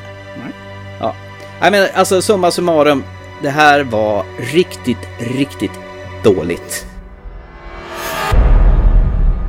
Jag håller med dig där tyvärr. Jag alltså har väntat i fan snart två år på en påse skit. Ja, ja. Jag, säger, jag gillar ändå Gal Gadot som Wonder Woman så jag får väl se om den förra filmen istället. Ja, det får du göra. Helt klart. Nej, Jag, jag vet inte liksom eh, vad de ville med filmen framåt. För jag blir irriterad på den. Och Jag med. Det var, det var så mycket också dumma grejer. Dialogen var st- styltig och det, det, var, det var ingenting som funkade i den här filmen. Allting skavde. Det, var, det kändes hopkok av en massa idéer som blev bara forcerat och dumt. Och det var, nej, det kändes som att hon hade ingen plats själv i den här filmen. Alltså. Det här var ju inte en Wonder Woman-film överhuvudtaget. Det här är- var något annat. Det är ungefär som att sätta Terminator i en eh, James Bond-film. mm, ja, jag kan förstå lite vad du menar där. Absolut, och jag säger inte Mm. emot dig. Att, eh, Nej, jag är så våldsamt besviken på det här och det var ju, jag hörde ju varningsklockorna pinglade kors och tvärs via eh, sociala medier och grejer, men jag höll ju fanan uppe länge bara nej, nej, nej, det här kan inte vara dåligt.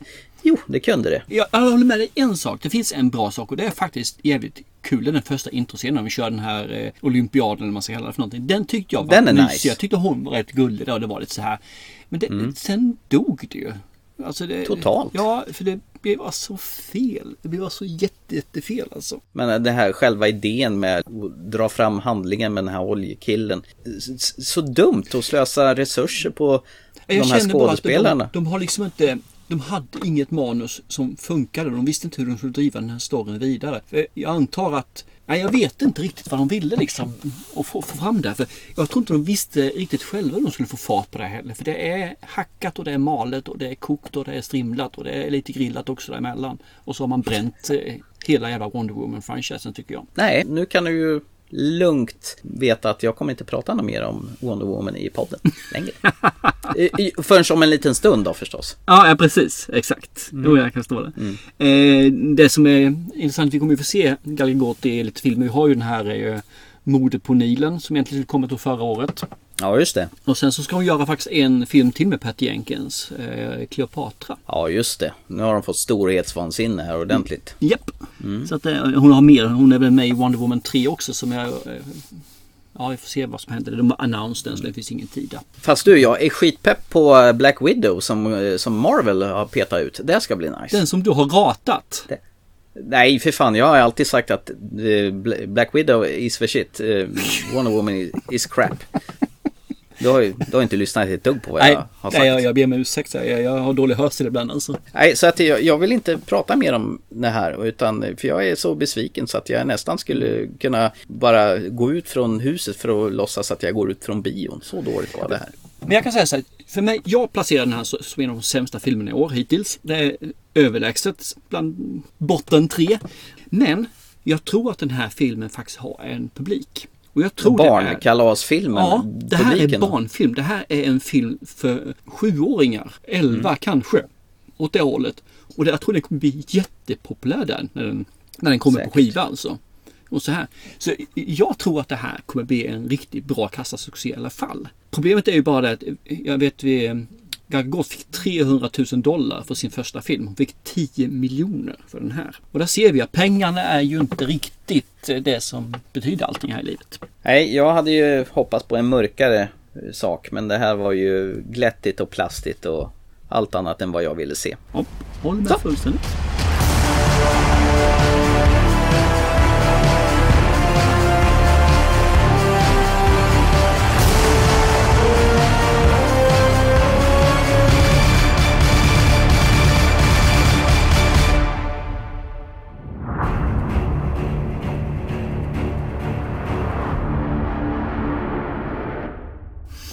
Då går vi vidare tycker jag till finalen, avslutningen, sista filmen. Och återkomsten av den, nya filmen där den är dubbelt så lång. Ja, orsaken till att du fick eh, putta undan ditt uppdrag till nästa program då. Att du vill ha med Detta den här. as till fyra timmar eh, landade på HBO Nordic faktiskt bara en vecka innan Wonder Woman 84. Jag undrar Mm. om det var en slump eller om det var taktiskt. Eh, vet i bövelen ska jag erkänna. Zack Snyder för dig, vad eh, är det innan vi går in på eh, Justice League och bakgrund och allt vad det nu innebär? Vad ska man säga om Zack Snyder egentligen? I- jag tycker ju om hans visuella sätt och han, hur han leker ofta liksom. Eh, Dawn of Dead är ju en. Där, där har vi liksom, han, han leker rätt mycket med musiken, han leker mycket med det visuella. Tre, 300, det är väl egentligen där han eh, uppfinner, eller själv kommer fram till det här med det är rätt coolt med animerat blod i slow motion, vilket han fortfarande, slow motion i alla fall, är någonting som är hans trademark tycker jag. Han gillar slow motion. Ja. Sen går han in i Watchmen. Det är ju samma sak här. Mörker. Det är återigen saker och ting händer i slow motion. Och han Mhm. filmar in på detaljer. Som, som Watchmen i början när The, Joker, vad heter han för någonting? Jaha, just det. Eh, the, the Comedian. Comedian. där. När han kastar ut fönstret så är det ju slow motion ut, man ser glasskärvorna. Och sen faller han ner. Och sen så är det en inzoomning och plus lite långsamt där den här hans märke, den här Smiley-figuren roterar på gatan. Det är ju för mig också Snyder. Sen så har, har vi en film som folk hatar och jag förstår inte riktigt vilket. eh, Och det är Sucker Punch som jag tycker är en fantastisk visuellt kul, trevlig och intressant film när han blandar genrerna högt och lågt. Övervåld. Är det bara du och jag som tycker om den? Tydligen är det det. För alla verkar eh, rata den och jag förstår inte varför. För det här är övervåld utan dess like. Det finns humor, det finns mörker. Och det finns ju en av de bästa låtarna genom tiderna.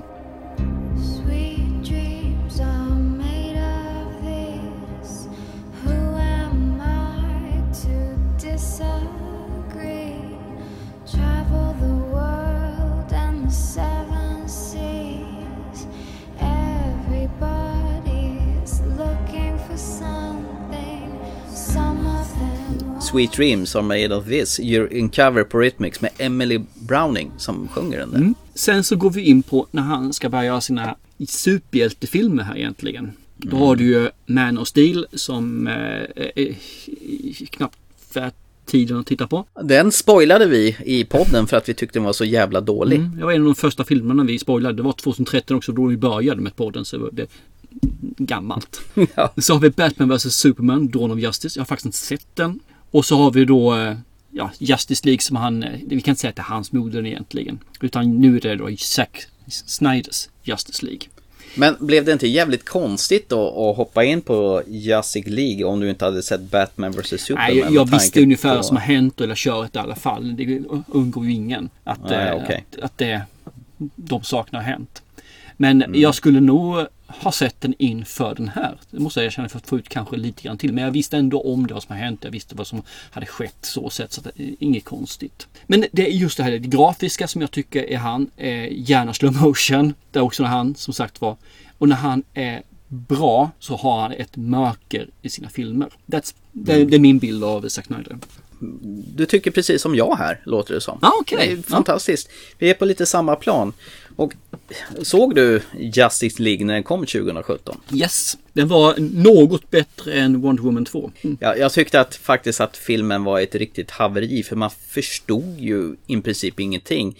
Du ska ju introducera, vad är det, fem, sex karaktärer där Marvel har ju haft hur lång tid som helst på sig och gjort en film till varje karaktär innan man Man kan ju säga att vi ska ihop. introducera fyra karaktärer. För två karaktärer Ja. är rätt indanade. Batman och Superman är ju ganska så kända. Jo, vad heter Marvel hade ju ändå gjort tidigare att varje karaktär har ju fått sig en varsin film innan Mm. det blir en sån här ensemblefilm.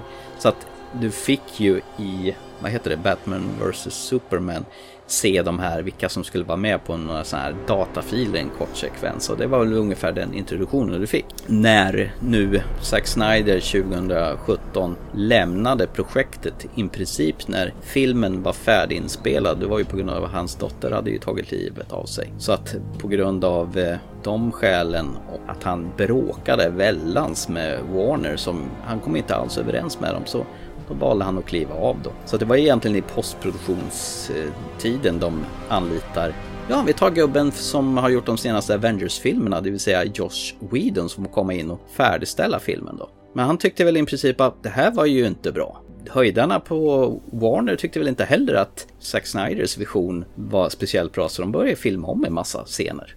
Ja, han använder väl knappt någonting va? Som Zack Snyder har gjort. Valda delar. Jag var ju tvungen att se om 2017 års version här nu inför programmet för att jämföra. Ja, du har ju fragment av det som är med i Zack Snyders version, men det är inte mycket om man säger så. Nej.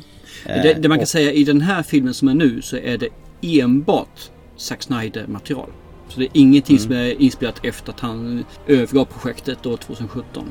Så han har Nej. inte anammat någonting av sin efterträdares alster. Eh, Josh Whedons material det är ju liksom borta totalt här nu. Och anledningen att den här eh, fyra timmars varianten överhuvudtaget var möjlig, att den ja, överhuvudtaget blev till, det var väl dels att eh, HBO Max skulle lanseras, alltså Netflix konkurrent till att, eh, ja, för att de helt enkelt skulle ha eh, material då. Och då approachar ju Zack Snyder dem och sa, hallå, nu när det ändå är covid så har du ju massa sådana post production killar som sitter och inte gör någonting. Hur vore det kanske om att jag får färdigställa den här filmen då? Som slängde väl till honom en 70 miljoner, ungefär som en Netflix-budget ungefär. Och sen samt har, ju, har det ju varit en länge eh, och massa fans som eh, har ju velat haft release för Snyder Cut. De till och med köpte annonsplats på Times Square för att få igenom det här. Mm. Så det var, och hade det inte varit för Corona då så hade nog den här filmen aldrig Det är inte så säkert faktiskt. För här, de har ju backat på en, en gång tidigare här att de har, vad heter fansen och tyckt att det är fel. Och så har de gjort, gjort en ny release av en film. Fast Mm. inte velat. Fast och det jag- är ju Superman 2 gjorde de exakt samma sak och då fanns det ingen corona. Nej, det är i och för sig sant. Men eh, du hade nog inte fått en fyra timmars film. För den, ha, den hade ju aldrig gått upp på bio i fyra timmar. Den kanske hade kanske max blivit tre eller någonting. Så hade det blivit, Ja. hade ju fått blivit en kompromiss i alla fall. Men det här är fyra timmars versionen. Det är ju det han presenterade från Warner i första början. Och det var ju det här han ville ha. Så att det är inte mycket de har spelat in nytt material för att färdigställa den här filmen. Men däremot har de ju gjort en jävla massa nya så här specialeffekter och alltså CGI-animationer som de har ju förbättrat från eh, 2017 års film. Så att till exempel den här huvudskurken Steppenwolf är ju helt omdesignad mot hur han såg ut 2017. Mm. Ja, det är både till utseende och till röst. Så att, eh, Ja, ja, de han låter ju mer hotfullt än den här jävla farfarsrösten som var 2017 helt enkelt. Först och främst, folk gnäller på HBOs bildkvalitet. Tyckte, tycker du också att den är så här skitpissig som, som alla andra gnäller på? Eh, både och. När det, när det börjar att bli väldigt mycket så blir det lite grötigt. Det tycker jag. Mm. Men inte så att jag stör mig på det faktiskt. Det gör jag inte. Men jag är inte sån här... eh, Att, att det är jätte, jätte crispt kan vara kul att titta på. Men det är sånt där som jag glömmer bort när jag ser en film. För när jag är inne i en film där så eh, tycker jag ja, men det är okej. Jag kan se en gammal VHS idag också. Man kommer in i den så är det känslan som ändå är det som är det viktigaste. Nej, jag kör ju med, via Telia och jag har aldrig riktigt märkt det där som folk gnäller på att pixlig bild och grötigt och så, utan jag vet inte, det kanske är för att tjänsten går via Telia. Jag har inte haft något ont av det, men de flesta säger HBO Nordic, de har liksom inget 4K och hej och hå, det är dåligt ljud och allt fan vad det är, men jag, jag upplever inte det faktiskt. Nej men jag tycker inte det är... Det är inget som stör mig. Det är det inte. Fråga nummer två. Störde dig det gamla tjock-tv-formatet som filmen är presenterad av? För det första som händer när filmen startar, det är att för att stödja Zack Snyders kreativa vision så är den här filmen presenterad i 4 till 3-format. Ja det är väl för att den skulle upp på eh, sån här, eh, vad heter det? Cinema Max, Max eller vad heter det för någonting? IMAX, ja, IMAX skulle upp egentligen och det är ju det formatet de använder där. Så han har ju spelat in i det formatet. Filmen är ju på höjden istället för att, att ränderna är... Eh, Jag, jag stör mig grävling på det. Det ska jag erkänna. Det, det är någonting som till och från jag tänker på i filmen genom. Jag bara använder 50% av ytan av min telefon. Eller telefon till min TV. Eh, Ja. det, det kan störa mig. Sen i vissa fall så glömmer jag bort det och sen så kommer jag på det igen. Och sen bara, fan vilket skit. Men hade han, gjort, hade han gjort det här på rätt sätt, man säger så, jag har fått rätt format som jag vill ha. Då har han fått klippa, då har han fått kapa ju. Just Och då det. hade kanske en, en del av eh, det man ser försvunnit och kanske en del av känslan ändå hade försvunnit. Så jag ska inte säga att det här är sämre eller bättre. Jag säger bara att han skulle kanske filmat det i rätt format från början. Det vill säga för folket och inte bara för att jag ska ha det för det ska bli skithäftigt när de går och ser på en bio i det här formatet. Vilket är Ja. 15% av marknaden. Det, jag, tycker det är, tänk lite grann större, lite mer till den som han egentligen gör det för. För han filmar, gör den här filmen för oss, inte för sig själv. Men hallå, det funkar i Lighthouse, gjorde det inte det? Vil- Vilken film då? Eh, The Witch också var en annan sån. Men det blir inte bättre. Nej, men det är ju annorlunda. Det är ju ganska ballsy att gå emot eh, själva stora Hollywood-produktioner. Jag fattar inte det liksom. Varför ska man gå tillbaka till en gammal teknik som är sämre än det vi har idag? Varför ska vi använda sämre? Det är ungefär som den här förbaskade filmen som blev så jättehypad förra året med brännmärken och sådana här saker. Varför ska man lägga in sånt i en film? Ja, alltså du, men, du menar den. Han, eh, vad fan hette den då? Ja, ja, skitsamma. Mank heter den. Mank ja, ja det hade jag förträngt redan. Varför ska man lägga in så saker ska bli sämre bara för att återuppleva eller för att göra det konstnärligt eller för att använda någonting, någonting som knappt används? Nej, jag, jag köper inte det. Det här var, tanken var ju för att det skulle komma så nära IMAX det bara gick. IMAX är ju liksom från höjden och inte på sidorna. Absolut, jag köper det så jag gör. Men återigen, hur gör man då? När man mm. får ut den här på en, en Blu-ray. För jag kan tänka mig att 90% av alla som tittar på den tittar på den på vanlig biograf eller på Blu-ray. Och jag har fan ta mig in IMAX hemma. Har du inte det? Jag trodde alla hade. ah, nej, tyvärr. Jag har inte köpt den. Men har du sett att det kommit en Justice in Grey också som är i svartvitt? Har den kommit? Jag trodde den skulle komma. Jag tror inte den har kommit än. Den finns redan. Jaha, för jag har bara läst att den är på G. Den ja, och det enda som är skillnaden är att den är svartvitt och sen är det tydligen ett alternativt slut också. Jaha, var får man tag i den då? Samma ställe som den du såg nyss på HBO Nordic. Ja, okej. Okay. Så det är bara att söka på eh, Zack Snyder så dyker den upp och den heter Justice in Grey. Jag var ute och kollade tidigare idag och den ligger där. Okej, okay, det kan bero på för jag sökte efter Justice League istället när jag sökte på den. För den här dök faktiskt inte upp som ett förhandsval hos mig. Jag fick söka på den. Egentligen, det är väl bara att dra ner färgen på den vanliga så blir det ju svartvitt. Men du får ju inte det alternativa slutet. Eh, kanske se den och bara se slutet i så fall. För jag har nog inte ge mig den här filmen en gång till bara för att se den i svartvitt. Eh, ska vi dra lite vad den film fan handlar om innan vi går loss på vad vi tycker? Tänker jag. Ja, men absolut. Stålmannen är död. Och eh, Batman samlar ihop ett gäng för att slåss, eh, för att för att se till att ta hand om ett analkande hot från en annan dimension. Ja, det är väl det. Ja. Det, det, det är inte så mycket, apropå skriva ett manus på en en servett här. Men eh, ja. Det är väl egentligen också att de ska väl ta över de ska väl egentligen rensa jorden va? Från eh, mer eller mindre på allt liv. Det är väl någon som håller på och åker runt. Lite grann en Thanos-variant kan vi säga va? Ja, Steppenwolf är väl typ en Thanos-figur. Nej, nej, nej, nej. Steppenwolf är inte Thanos. Steppenwolf är ju en av de här som jobbar åt Thanos. Ja, ja, då, då mm. tänker du på Darkseid. Mm, han är ju Thanos ju. Just det. Och de vill ta över världar. Det är ju ballt. Ja, han har ju inga sådana här funderingar på att man måste ta ihjäl hälften av befolkningen för att starta om världen för att den ska bli ta bättre. Ta ihjäl allihop i stort sett istället. Ja, men det är väl rätt charmigt ändå? Ja, men det, det, är lite gulligt håller jag med om, absolut. Nej, jag bara känner att filmen som kom för ett gäng år sedan, den var ju skithackig och osamhängande. Men nu när man har fyra timmar istället för två, då faller ju bitarna på plats. För helt plötsligt har ju varje karaktär fått sig en, en liten backstory och, en, och lite egna problem att dryftas med. Det fanns ju inte i 2017 års film. Det var ju bara action och fragment och man fattar inte någonting om något. Nej, jag håller med. Eh, det är jättetrevligt att helt plötsligt få lite backstories och mer om de här. Och man får reda på, ja faktiskt, mer detaljer. Inte bara om de goda, utan man får reda på en hel del om Steppenwolf som är då bad guy i den här filmen. Ja, och jävlar vad han är upphottad. Ja, men det är han absolut. Så att man får reda på mer var han kommer ifrån, vad är, vad är det som driver honom. Och det tycker jag är kul när, när det inte bara är en metallklump som svingar en yxa. Nej.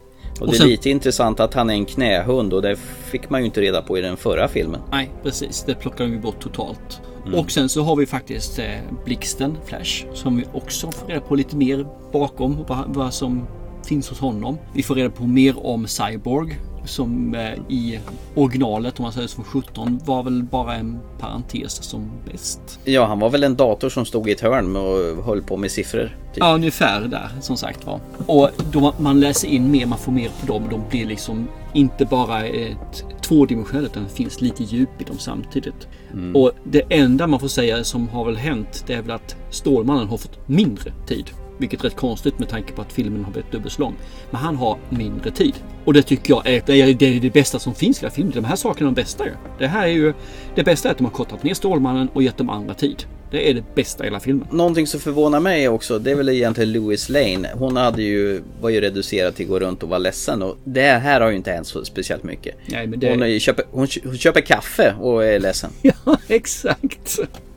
Nej, men hon är ju inte main story heller. Nej, men Amy Adams rollfigur, hon har ju liksom otacksam roll i den här. Yes, jag håller med. Vi gillar ju henne så det är ju lite tråkigt. Ja, hon är ju... Ja, jag tycker om henne. Det gör jag. Fasen ta alltså. Mm. Inte Ja. bara i Arrival som jag såg om nu för ett tag sedan med eh, storsonen. Precis. Flash nämnde du förut. Han var ju reducerad till en sån här comic relief i 2017 års version där han bara sprang runt och var, droppade punchlines hela tiden. Men här får han ju faktiskt en eh, skön historia själv där han tar en himla massa jobb för att liksom kunna finansiera och få ut sin farsa som sitter i fängelse. Och den, den historien, den, den var ju bara en parentes i förra varianten. Så det tycker jag var trevligt. Ja, men absolut. Alla får ju mer, får ju mer tid här som behöver presenteras. Eh, Mm. Även Aquaman får ju mer tid och så här. Så eh, jag tycker det, det fungerar. Eh, enda som är liksom, jag tror att Wonder Woman fick lite mer tid och intro här också. Det enda jag kände var väl under fighten med Amazonerna så var det lite trevligare. Men det andra kändes, varför då faktiskt? Det gav ingenting egentligen. Men den här scenen med det här rånet där de går in och ska spränga ett helt jäkla kvarter bara Ja, för att... den var bättre. förstöra- Däremot förstod jag inte riktigt var de kom ifrån och varför. Men jag håller med, den scenen är riktigt nice. Who are you? The lasso of Hastia compels you to reveal the truth. Now, who are you? We're a small group of reactionary terrorists who want to turn back the clock in Europe a thousand Boring. years. Why the hostages? We have no demands. We're just stalling the police while we do it. While you do what? You're too late.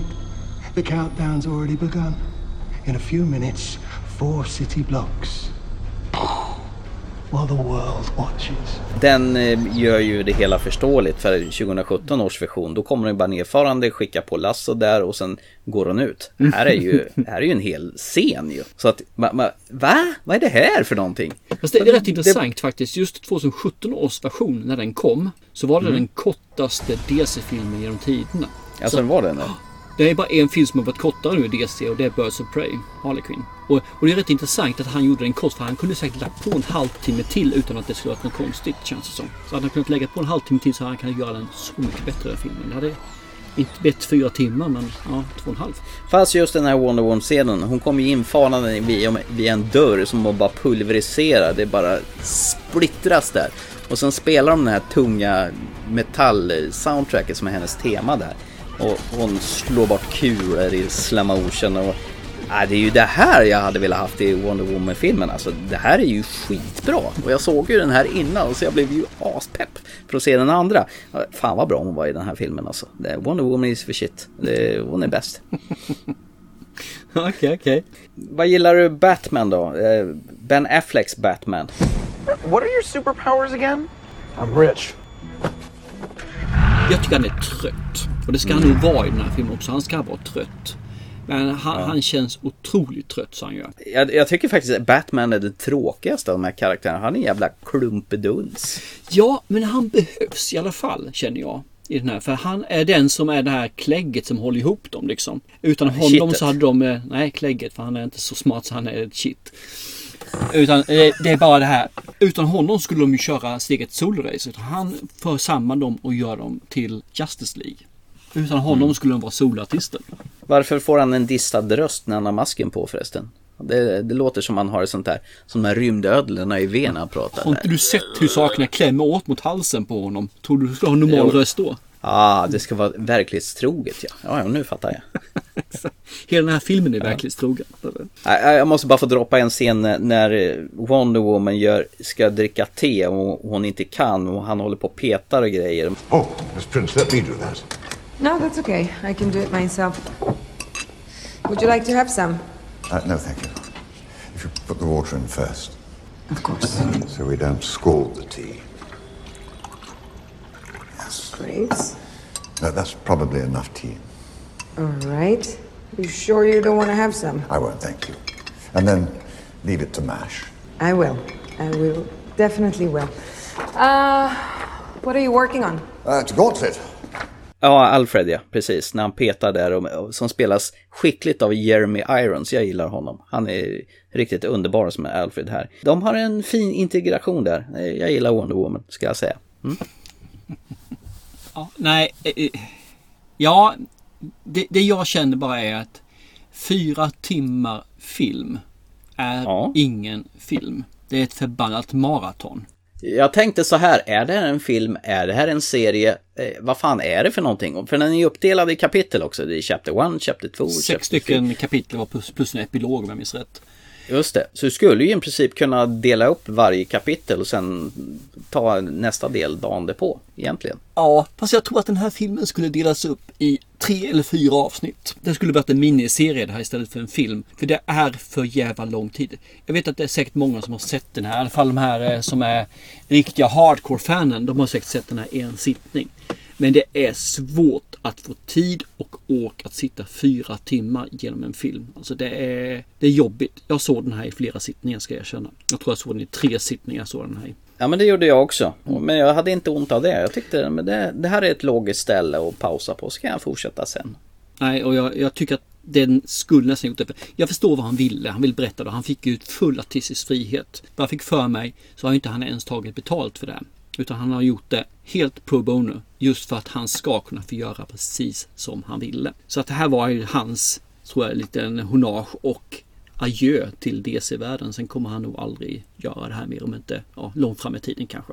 Men eh, jag tror att han är rätt färdig med just det här nu. Det som är lite spännande är att slutet är ju väldigt öppet och det lämnas ju ungefär. Men jag tror det var väl så här han hade tänkt sig att det skulle vara. Och då gör han väl själva filmen som hans vision var, även om det inte blir någon fortsättning. Ja, Men jag kan ju tänka mig att det retar väl fansen till gallfeber som vill ha mer av det här nu. Det kan nog stämma faktiskt. Att, eh, för det har ju varit rätt så mycket ramaskri här nu om att de ska göra det. Men Warner DC har ju sagt det att eh, de eh, har inga tankar på det här. Utan den, den filmen som är deras film som de står bakom är ju den från 2017. Mm. Sen kan det kanske förändras i en framtid. Men tittar man på hur karaktärerna går vidare, vad som händer med dem nu, liksom Aquaman och Batman och sånt, så känns det som att de är på sin egen planhalva och gör sin egen grej nu. Ja, Så- speciellt som Ben Affleck har hoppat av Batman. Du har ju den andra Pattinson som ska göra nästa Batman-film också. Ja, okej. Mm. Det som jag tyckte var rätt nice också, i och med att varje av de här karaktärerna fick mycket mer speltid och framförallt den här Cyborg-killen då som egentligen är kärnan i filmen som har en ganska avgörande roll. Så jag brukar ju tycka att de här, de, de här superhjältefilmerna brukar ju vara en sån här CGI-bonanza på slutet där de ska slåss i evigheters evigheters evigheter. Så, och det, det ska smällas och pangas. Men jag, det är ju inga undantagen här heller, men med tanke på att filmen har fyra timmars spellängd så, så gör det inte så jävla mycket. Du, det här, det här slutet i den här filmen, sista uppgörelsen, är rätt mycket längre än originalet. De har lagt till rätt många minuter faktiskt, så att det är riktigt bonanza. Sådär här. Sen vet jag om det har lagt till dubbelt så mycket. Men det är rätt mycket längre. Så att eh, mm, jag håller bitvis med tycker jag. För det jag tycker är lite kul med just det sista är för man, man flexar mellan de olika. Så det blir liksom inte en uppgörelse utan det blir en helheten av en plan som sätts framman och sys ihop.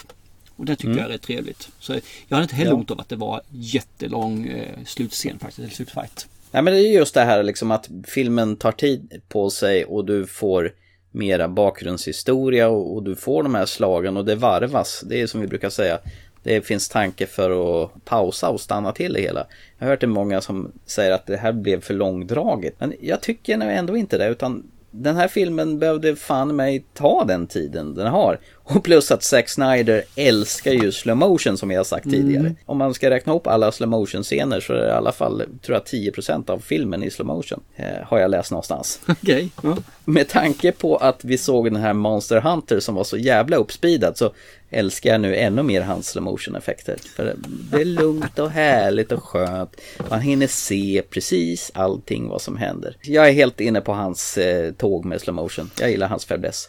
Kanon. Jag tycker att den här filmen att den har förlängts förhöjer den mot originalet eller 2017 beror på vad man ska säga någonting. Den, den är utan tvekan en mycket bättre film. Den är också i sin helhet faktiskt bra. Tycker jag. För att vara en DC så är den här bra. Det är inte mer med det. Den har lite mörker, den har lite sådana saker. Så jag tycker den här håller en bra hög standard. Alltså jag kan gott... Jag hade inte ont att se den här. Jag njöt av den så jag gjorde. Men jag kan inte säga att den verkligen måste vara fyra timmar. Det finns en hel del. Framförallt så har du sista slutscenerna. Den, den hade inte behövt vara med. Du menar i epilogen Ja, där? den, den behövdes inte vara med. Där, och där går ju vad det är, 5-10 minuter bort bara där. Mm. Sen finns det x antal saker till här som de verkligen drar ut på. Jag känner liksom att här hade man kapat två minuter, där hade man kapat till utan att det hade stört. För det blir lite för långt ibland. Så jag tror ju att den här fyra, fyra timmarna hade nog lätt kunnat bli 3.40, 3,5 timme till och med. Och då hade den varit bättre hanterbar som film. Jag, jag, jag säger inte att hans version är den optimala. Däremot är det ju en våldsam förbättring jämfört 2017 som då, som du uttryckte det så elegant, är ett haveri, vilket jag ställer mig bakom alla dagar i veckan. Ja, det var ju som ett sönderhackad guacamole ju. Ja. Som man inte fattar någonting av. Det som är lite intressant är det också att Danny Elfman gjorde ju soundtracket till 2017. Han har de ju kastat ut totalt och då har ju fått ett tyngre soundtrack från han Junkie XL. Coolt, tycker jag. Bara en parentes. Eh, jag, jag tycker det är synd. DC håller inte ihop sina världar nu. nu Okej, nu är ju faktiskt Zack Snyders DC här. Den är ju inte den officiella utan det är bara någonting som står för honom. Men jag tycker att de håller liksom inte ihop världarna i alla fall. Det, det är lite glättigt ibland och det är mörkt ibland och det är inom samma värld om man säger så. De har inte Mm. lyckats få hålla ihop världen som MCU har gjort för det här är samma, samma känsla hela tiden. För tittar man på det så är ju de sista Batman-filmerna ganska mörka. Tittar man på eh, Wonder Woman, framförallt den sista, så är den ju glättig. Eh, Aquaman är ju animerat glättig också. Det är nice. Jag gillar Aquaman. Ja, alltså det är det, det, det jag menar liksom. Det finns ingen enhetligt utan ibland är det så här, ibland är det så där och då känns det som att de har ingen stringens vad de vill. Och jag förstår att det är därför de inte har lyckats att göra DC till den stora makt som de skulle kunna bli. För de har inte karaktärerna. Det är bara att inse att deras karaktärer är rätt så... Eh, jag menar Batman, och då han har lite bilar och kastar iväg en bumerang eller vad gör för någonting. Och flyger ner och säger I'm Batman. I'm Batman. Det är liksom, och så I'm har de då en sömmerska som hoppar runt med ett lasso som lyser. Det, det är liksom mer coola figurer på det viset. Men deras värld hade ju varit jävligt cool om man hade gjort en gritty. Du har inte behövt göra R-rated på det här, det behövs inte. Men det ska vara gritty.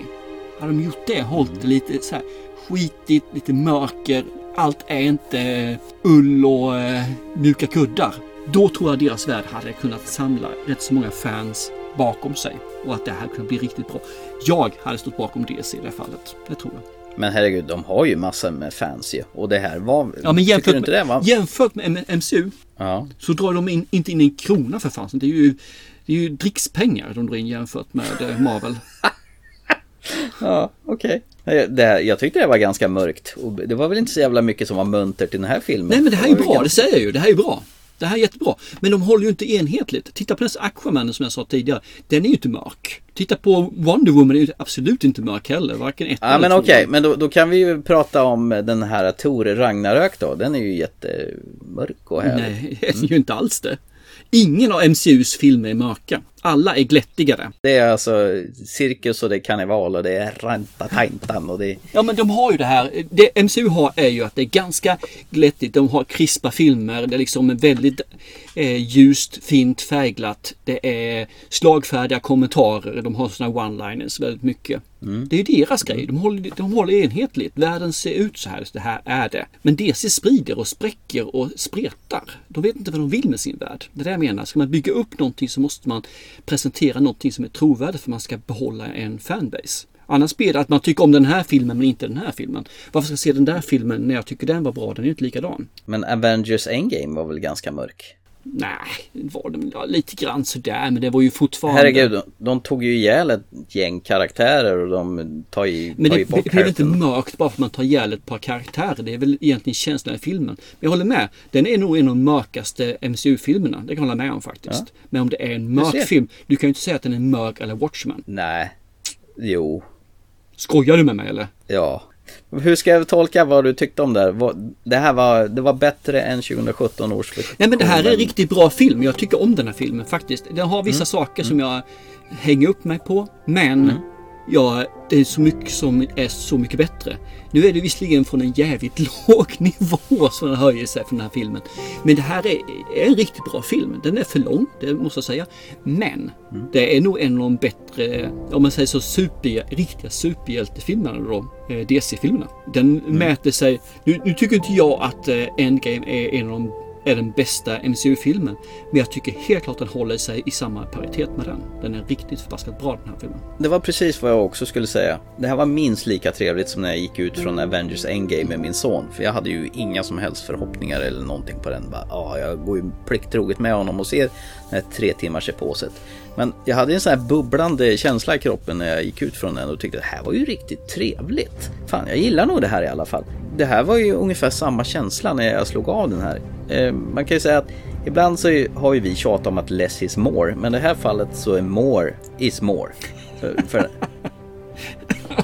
Ja, Känslan när filmen var slut, det, det var nog dels att jag är glad för Zack Snyders skull att han äntligen har fått upprättelse. Eh, Och att filmen var så här härligt episk. Eh, Och det gav en skön eftersmak i munnen. Jajamän, jag kan se om den. Och Josh Whedon, han kan dra åt helvete. Eller åt Darksides tillhåll kanske. Ja, men jag håller med. Jag, jag säger, däremot om man ska gå in och, och titta på rekommendation eller inte rekommendation så är längden ett negativt. Mm. För fyra timmar är inte många som kan sätta sig ner och se på en film. Så därför skulle jag vilja att den verkligen var mer avgränsad. Jag skulle vilja att den var lite grann som eh, Sin City. Att Mhm. man verkligen delar upp, upp den i, mer i avsnitt. Och säga här är den här berättelsen, det här är den här berättelsen, det här är den här berättelsen. Så man har kunnat göra det på det här viset. Och sen så är det tydligt avkast med det. Här är akt 1, akt 2, akt 3 och nu är det sista akten. Ja, men det gjorde de ju nästan. Alltså det gjorde de ju inte. De gjorde det upp i sex stycken kapitel plus en epilog. Och ett kapitel är för lite. Det blir för kort. Ja. Men sex delat med fyra liksom, det är 45 minuter. Vad blir det? Något sånt där. Ja, men du kan ju välja själv när du vill pausa. Ja, Det är ju inte så svårt. Ja, men absolut. Så kan man göra. Men det blir inget tydligt avslut. Så därför blir det svårt att kunna rekommendera filmen till en, en vanlig eller en person som ser kanske det är en film i månaden eller varannan vecka eller tittar liksom en film eventuellt på helgen någon gång då och då. Och ska sätta sig ner och, och sitta på fyra timmar film. Det, då blir det negativt. Så hade man kunnat dela upp den här. Men jag ser den här på fredag och lördag. Jag ser den på två dagar. Eller jag ser den liksom på det här viset. På ett mer uttalat sätt så hade det här blivit ännu bättre. Men tycker man om det som man tycker om de här figurerna som finns här. Wonder Woman, man tycker om Batman och framförallt tycker man om Superman för han är ju med i alla fall i den här filmen. Så kommer man ju älska den här filmen och då ska man se den. Men är du en nybörjare så och vill se den i alla fall. Ta och planera in den på flera sittningar för jag tror inte att man orkar med den på en och samma sittning. Alltså. Men man får väl se det som att man får se det som en liten miniserie. Eh, Alltså som en tv-serie. Då, då, fun- då funkar det nog. Absolut. Eh, eh, Bottom line i alla fall att den här visionen, det, det här var mum- mums. Jag kan lätt se om den. Så kände jag när filmen var slut. Det här var nice. Så jag ska nog eh, försöka ta med lillsonen och titta på den här också. Kanske inte i ett svep utan som jag gjorde tidigare. Ja, men det tror jag. Han kommer säkert tycka om den. Det är jag Ja. övertygad om. Han hade kastat in lite Nick Cave musik i filmen också. Det tyckte jag var nice. Mm, Okej. Eh, jag känner mig ganska nöjd. Eh, Har du något att tillägga övrigt? Ja, jag vill bara säga att vi hade i alla fall två av tre bra filmer i programmet. Eh, Wonder Woman var ju ett snedskott av större mått. Eh, Monster Hunter var ju kanonunderhållande och nu till sist Justice League var ju, det var ju en riktig trumf för Zack Snyder och det var glädje och nice att se och allting var toppen. Ja, men absolut. Två filmer kan jag sträcka mig till om man ser att fyra timmar inte är en film utan det är två filmer. Så kan jag räkna med att två filmer är bra. Men då är det två filmer bra och två filmer dåliga. Så att, helt okej. Så kan man ju också se på saken.